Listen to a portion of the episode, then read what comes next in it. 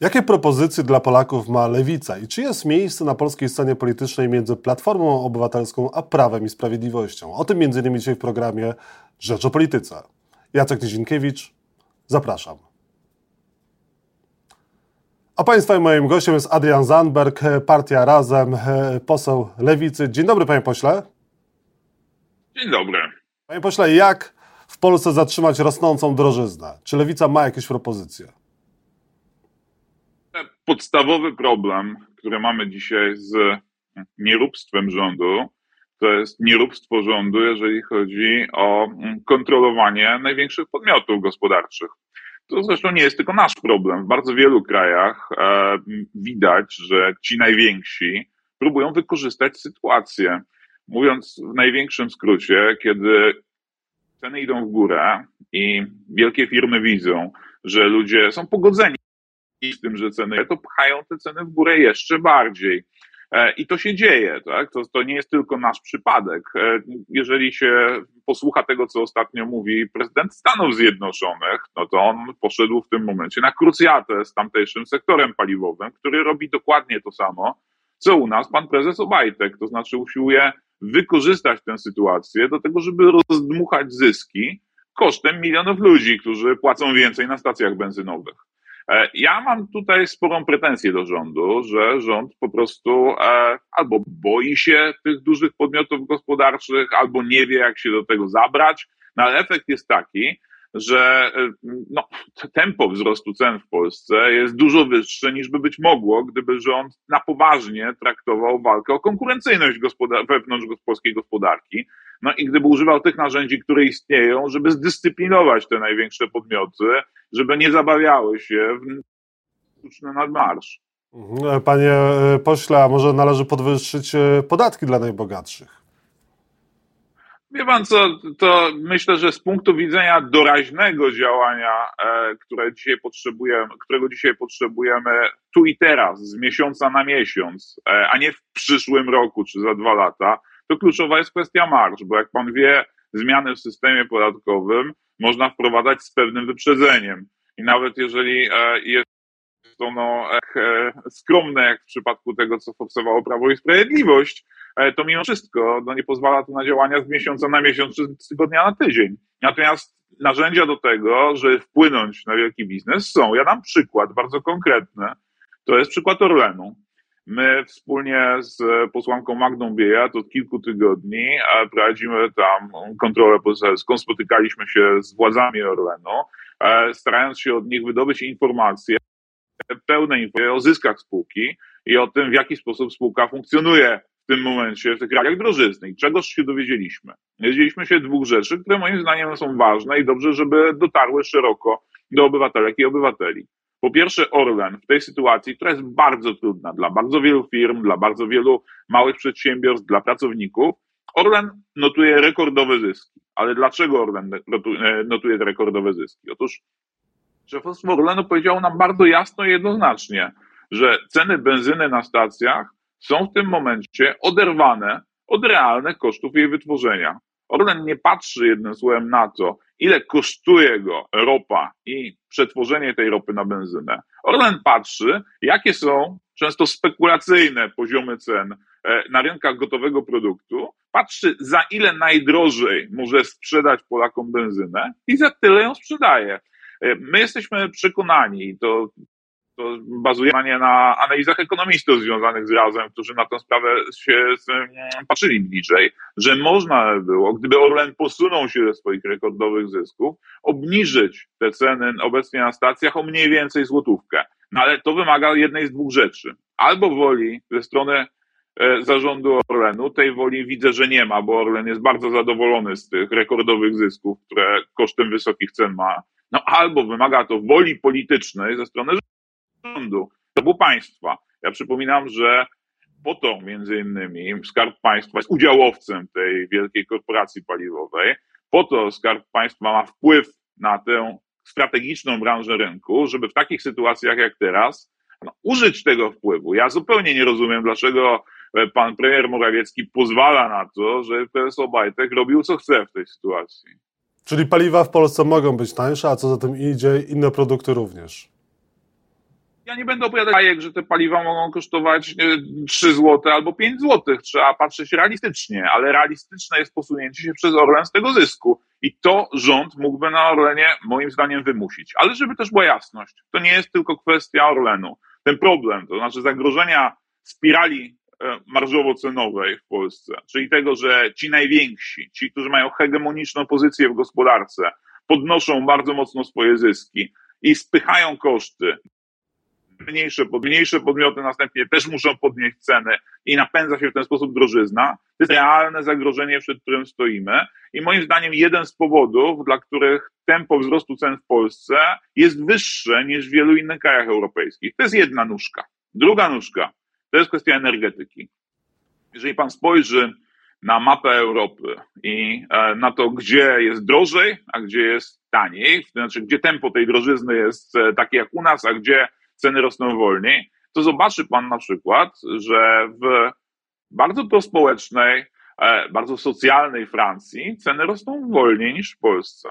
A dlaczego tak się dzieje? No dlatego, że Francja postawiła w swojej strategii energetycznej na te rozwiązania, o których od lat mówi razem, czyli na energetykę atomową. Dzięki temu, że Francja ma energetykę atomową, to w tym kryzysie kosztów energii, z którym teraz boryka się wiele krajów europejskich, i radzi sobie, jeżeli chcemy w przyszłości być bezpieczniejsi, jeżeli chcemy, żeby w przyszłości nasza gospodarka i nasze społeczeństwo było na takie szoki e, bardziej przygotowane, no to musimy przebudować naszą energetykę tak, żeby nie być uzależnieni od e, takiego importu nośników energii, które w tym momencie na polskiej gospodarce po prostu szkodzi. No, wszyscy widzimy, e, wszyscy widzimy, jakie są konsekwencje tego wieloletniego uzależnienia od paliw kopalnych, które kolejne rządy budowały i w którym niestety ciągle dzisiaj tkwimy. Czy Polska powinna mieć swoją elektrownię atomową według Pana? My nie mamy co do tego wątpliwości, że to jest zupełnie kluczowa sprawa. Powinniśmy, to nie jest kwestia jednej elektrowni atomowej, tylko sieci elektrowni atomowych i tego, żeby polski miks energetyczny w przyszłości opierał się na dwóch nogach. Po pierwsze, stabilne źródło energii, czyli energetyka jądrowa. Po drugie, odnawialne źródła energii i tych jak najwięcej, oczywiście to jest przyszłość, ale ta przyszłość musi być realistyczna. Żeby ona była realistyczna, to tą twardą bazę musi nam zapewnić energetyka jądrowa. Taka Polska, Polska, która ma nowoczesny miks energetyczny, byłaby po prostu dużo stabilniejsza i dużo bezpieczniejsza niż dzisiaj. Przyszłość e, Polski e, też e, najbliższa to nieciekawe scenariusze dla kredytobiorców. Co zrobić, żeby ci, którzy mają kredyty i te raty kredytowe tak bardzo rosną, nie cierpieli tak bardzo, no bo mówi się, że Polaków od bezdomności dzielą trzy niespłacone raty kredytów. Rozwiązania razem nie są tutaj niespodzianką. Posłanka Daria Gosek-Popiołek była chyba pierwszą osobą w polskiej polityce, która zaczęła głośno mówić o tym, że mamy w Polsce problem ze wskaźnikiem WIBOR i że w sytuacji drożyzny, w sytuacji wzrostu inflacji, wzrostu stóp, to będzie dramatyczny problem dla dziesiątek tysięcy polskich rodzin. Pokazaliśmy rozwiązania zaradcze, czyli czasowe zamrożenie tego poziomu wyboru dla tych rodzin, które spłacają swoje pierwsze mieszkanie. Ja chcę podkreślić bardzo jasno, że nasz program pomocowy, który zaproponowaliśmy, charakteryzuje się dwoma cechami.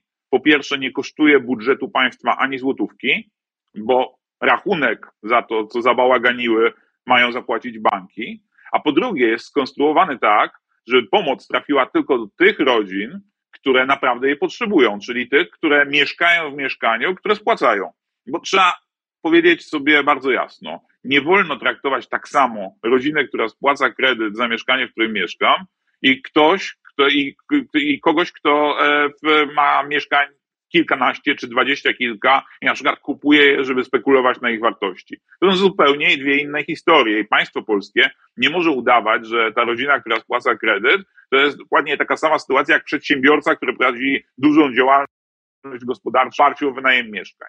Teraz druga sprawa, która wydaje mi się, że jest tutaj ważna i godna podkreślenia. Dlaczego jesteśmy w tym miejscu, w którym jesteśmy? I w dużych miastach, i w średnich miastach dziesiątki tysięcy rodzin są w dużych problemach w opałach. No bo polskie państwo nie wywiązało się przez ostatnie dziesięciolecia ze zobowiązania, które jest wpisane w polskiej konstytucji. Ze zobowiązania tego, żeby polskie państwo zadbało o zapewnienie potrzeb mieszkaniowych obywateli. Mhm. Kraju, który by poważnie traktował konstytucję, powinien od dawna obowiązywać taki program mieszkaniowy, jak ten, o którym od lat mówi razem. Czyli taki, że przeznaczamy znaczące pieniądze z budżetu państwa na budownictwo czynszowe w samorządach.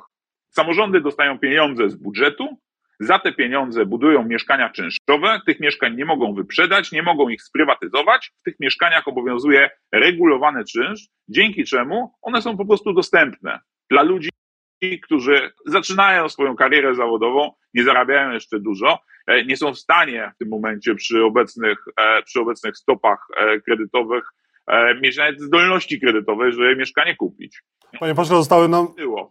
Tak, panie pośle, zostały nam. Nie było i to trzeba zmienić. Musi, jeżeli chcemy, żeby Polska upodobniła się do Zachodu, to takie rozwiązania jak publiczny program mieszkaniowy muszą się w Polsce w końcu pojawić po kolejnych wyborach i po to jest razem, żeby o to zadbać.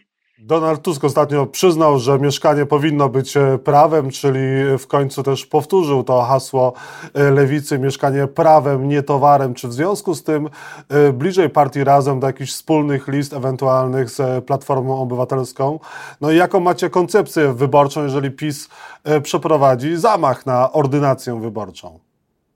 Myślę, że trzeba rozróżnić dwie sytuacje sytuację, w której jesteśmy obecnie. I myślę, że w tej sytuacji najrozsądniejsze jest to, żeby każda formacja polityczna, każdy blok polityczny, a takim blokiem politycznym jest lewica, mobilizowała swoich wyborców i tymi wyborcami przede wszystkim się zajmował, mówiąc do nich, mówiąc e, o rozwiązaniach, które dla nich przygotowuje.